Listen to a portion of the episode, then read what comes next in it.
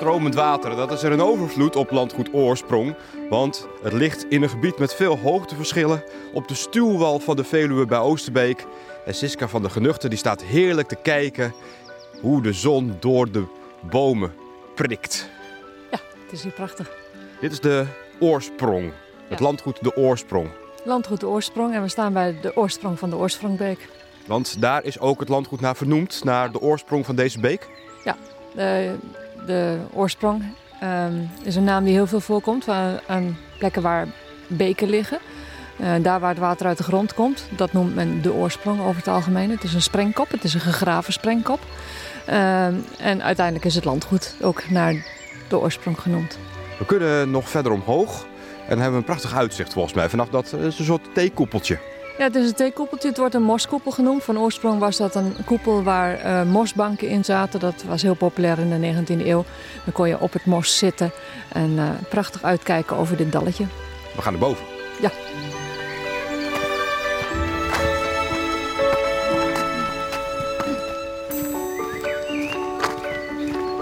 Ja, het is een mooi klimmetje. Ja.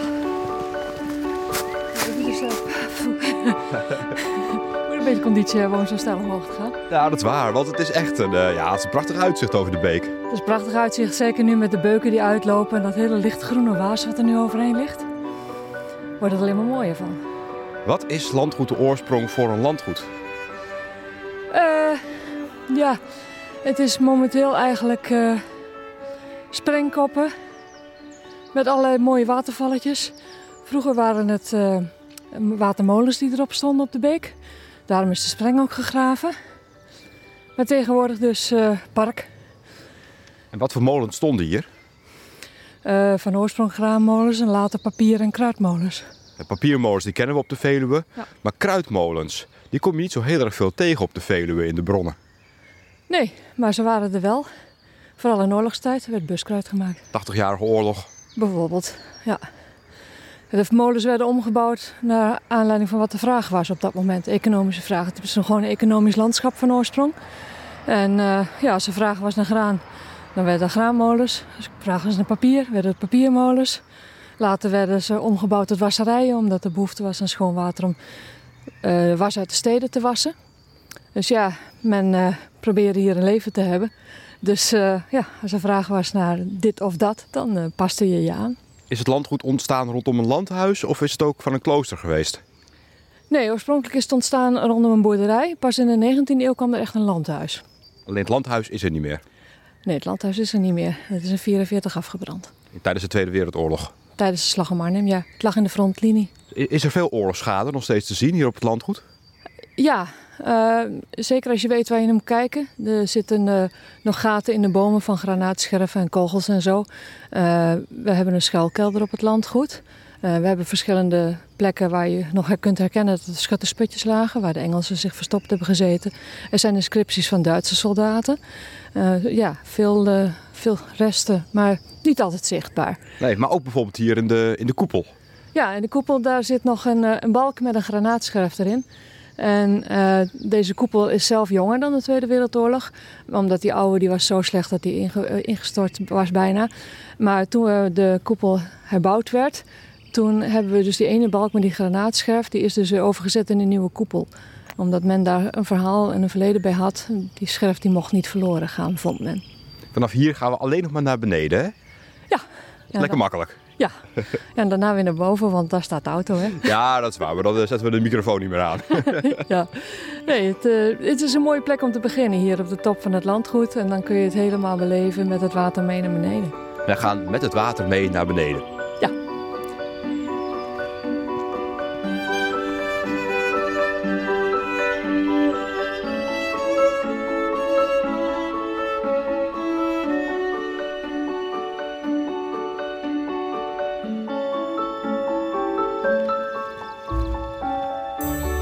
Waar lopen we nu naartoe, Siska? We lopen naar het zwembad. Zwembad. Het zwembad, ja. We gaan lekker zwemmen. Heb je badpak meegenomen? Nee. Het water is ook erg koud en er zitten allemaal kikkers en salamanders in. Oh, gezellig. Het is heel gezellig zwemmen, ja. Maar het is een historisch zwembad. Ja, het is eh, een historisch zwembad. En het is een heel bijzonder zwembad, want het wordt gevoed door beekwater en verwarmd met de zon. Zo. staat hier warm water. En hoe oud is het zwembad? Ongeveer 1929, ik weet het niet precies, maar ongeveer in die tijd. Echt aangelegd door de eigenaren van het, uh, van het landhuis? Ja, en uh, was ook alleen maar voor de eigenaar en zijn familie en kennissen en vrienden die op bezoek kwamen. En ja, gewoon heel mooi, speciaal iets. Ik zie, ja, ik, ik, zie twee baden volgens mij, hè? Ja, er is een diep bad en er is een ondiep bad. En dan is er nog het, het systeem waarmee het water verwarmd werd. Ja, hoe ging dat? Er werd beekwater ingelaten op een, uh, uh, op een grote asfaltvlakte waar het uh, ja, met zigzaggend heen en weer overheen geleid werd. En daar lag maar een, een, centimeter water of zo. En door dat asfalt, als dan de zon erop scheen, dan warmde dat water heel snel op. Dus wat er dan gebeurde was dat de personeel of zo s ochtends de schuif openzette zodat het beekwater erin kon. En dan werd het opgewarmd en dan kwam het in het zwembad terecht. En dan s'avonds moest je de beek wel weer afsluiten, want het beekwater zelf is maar 4 graden. Mhm. En uh, ja, dan werd het s'nachts weer met koud water gevuld en dat wilde je natuurlijk niet. En, nu loopt het continu, dus er, het wordt wel een beetje opgewarmd, maar s'nachts komt er gewoon weer koud water doorheen. En verder is het bad mooi, uh, mooi gerestaureerd. Ja, het is mooi gerestaureerd. Het badhuis staat er ook nog bij waar je je kon omkleden. En uh, waar je ja, thee kon drinken, terrassen erbij. En uh, ja, heel bijzonder plekje. Je kan zo een duik nemen. Eigenlijk wel, ja. ja. er zijn volgens mij verder niet van dit soort zwembaden met dit soort systemen nog in Nederland over. Dus dat is heel bijzonder. Maar zwemmen mag dus niet. Er staat ook een, eh, een hek omheen. Het is op slot. Ja, ja, de eisen aan zwemwater zijn tegenwoordig zodanig dat we dat niet, uh, niet voor elkaar krijgen. Er moet altijd een badmeester bij en de waterkwaliteit moet gecontroleerd. Dus uh, ja, zwemmen mag helaas niet meer. Mooie, ja, een mooi overblijfsel van de eigenaren die hier 100 jaar geleden hebben gewoond. Ja, een heel mooi overblijfsel en nu een rustpunt voor de natuur en voor de kikkers en de salamanders. We gaan verder langs de beek naar beneden.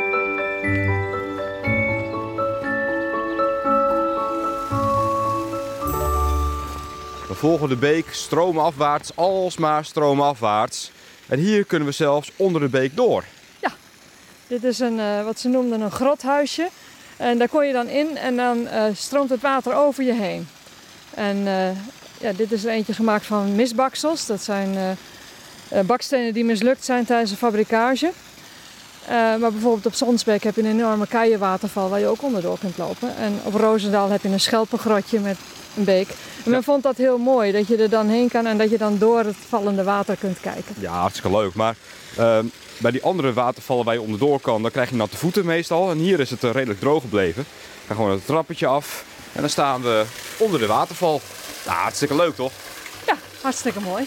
En je kunt hier heel mooi over het dal kijken. En dit is een heel mooi beekje en dan zo'n gordijn van water ervoor langs. Ja, het is echt een gordijn van water. Dan kan ik even voelen hoe koud het water is.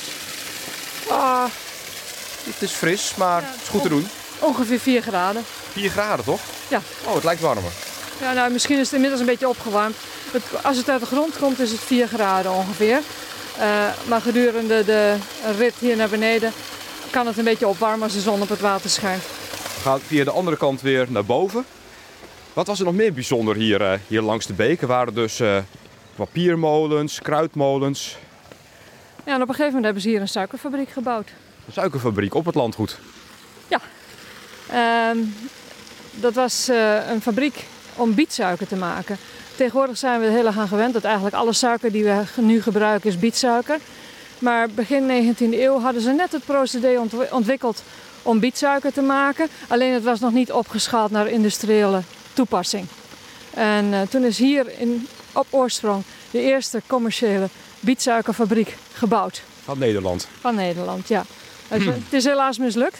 Uh, en dat kwam omdat uh, er was toen oorlog en toen mocht er geen suikerriet meer uit Indonesië en zo naar Europa vervoerd worden. Dat was tijdens de Tweede Wereldoorlog? Nee, 19e eeuw, eeuw eerder. Oké. Okay. het was de, de, oorlog tussen Engeland en Frankrijk. Aha. Dan had je het continentaal stelsel en toen mocht dat niet meer uh, vervoerd worden. We hebben het echt over het begin van de 19e eeuw. Ja, begin van de 19e eeuw, 1813. En uh, ja, toen uh, de suiker werd destijds, werd het suikerriet naar Europa gebracht en dan werd het hier geraffineerd. En ehm, dat kon dus niet meer, want er was geen aanvoer meer van suikers. Maar die raffinadeurs die waren dus wel heel goed in het raffineren van suiker. En een van die mensen heeft toen besloten om dat procedé wat net ontwikkeld was voor bietsuikerfabrikage, om dat op te schalen en hier een fabriek te bouwen. En hij teelde hier dus in de buurt suikerbieten. En die werden dan in de fabriek verwerkt. En daarvoor had hij heel schoon water nodig. En dat schone water, dat kwam dus uit de Oorstrongbeek. En is er nog iets te zien van de suikerfabriek? Uh, nee, wel de vijvers die, waar het water verzameld werd om vervolgens door de fabriek te komen. De fabriek is helemaal afgebroken. Misschien dat er nog iets onder de grond zit aan uh, fundamenten en zo, maar dat weten we nog niet. We hebben alleen de beek nog over die herinnert aan de suikerfabriek. Ja, de beek en alle verhalen hoe die in de loop der eeuwen continu een nieuwe functie heeft gehad. Van een nutsfunctie tot uiteindelijk puur een ornamentele functie. We lopen nog even onder de beek door. Ik vind het toch wel erg leuk.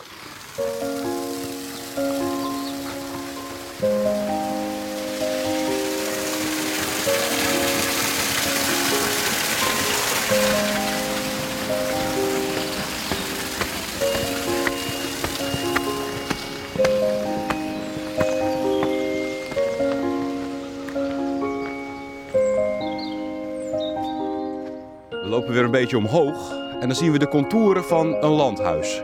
Ja, dit zijn de contouren van het laatste landhuis wat hier heeft gestaan. En dat in 1944 is afgebrand. Jullie hebben de contouren weer aangegeven met kleine muurtjes. Ja, en uh, daar kun je heel mooi op zitten en dan kun je genieten van het mooie uitzicht. Ja, prachtig. Het is echt een plateau waar het landhuis op gebouwd was.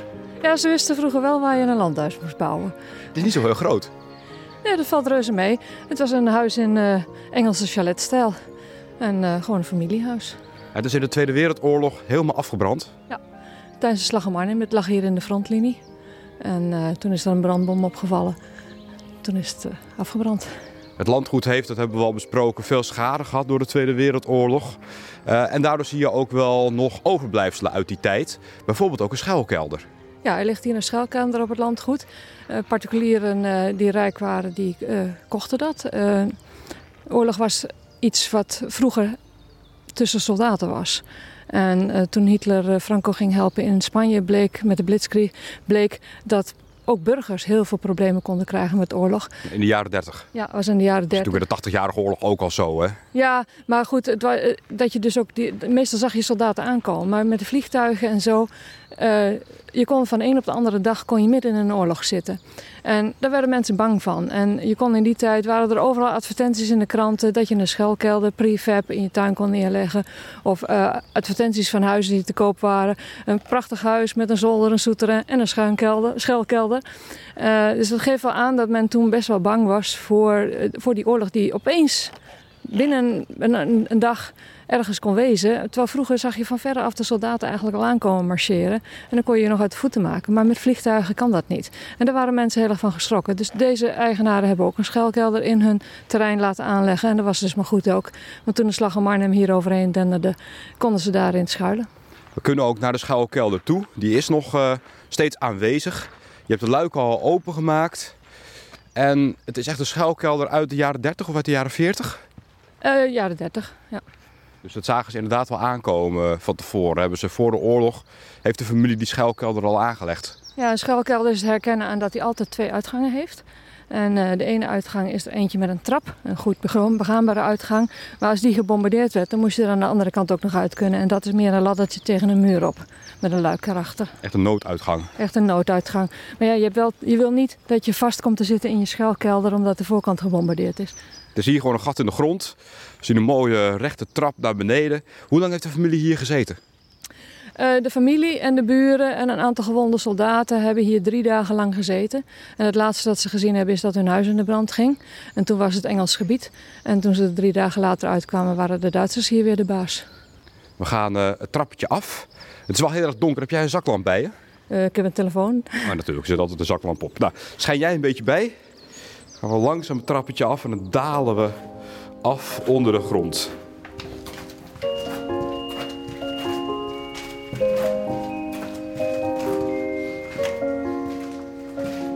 Lekker fris hier. Oh ja, het staat inderdaad een laagje water. Even kijken, hou hier naar links. Hoeveel ruimtes zijn hier? Eén. Eén ruimte, Eén. alleen deze? Ja, alleen deze en een kast. Er zit geen deur meer in, maar er was één kast waar waarschijnlijk voorraad en zo in zat. En met hoeveel mensen hebben ze hier drie dagen gezeten? Uh, tussen de 15 en 20 mensen, waaronder vier kinderen. En er was ook eten? Ja, waarschijnlijk hebben ze van tevoren van alles in de schuilkelder gebracht. En ook water natuurlijk, want dat moet je ook hebben. En, uh, en sommige soldaten waren gewond.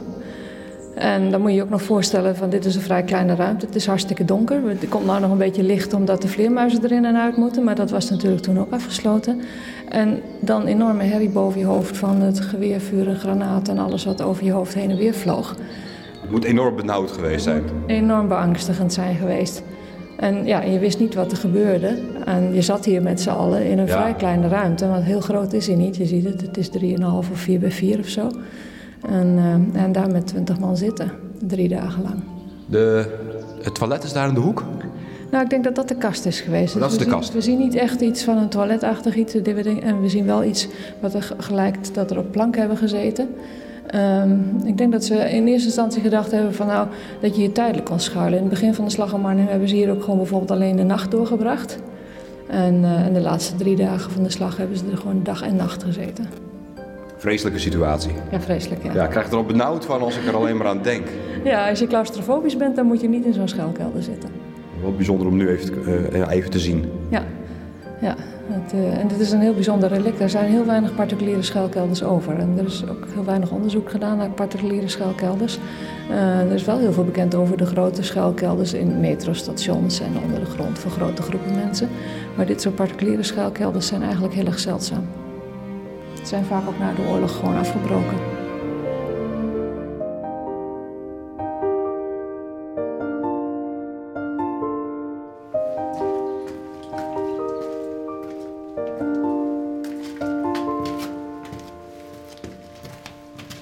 We gaan weer naar boven, van de hel naar het paradijs.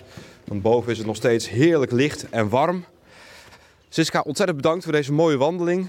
En eh, ik help je even met het eh, sluiten van de luiken van de schuilkelder. Ja, die zijn nogal zwaar. Je hebt een beetje hulp nodig, hè? Ja.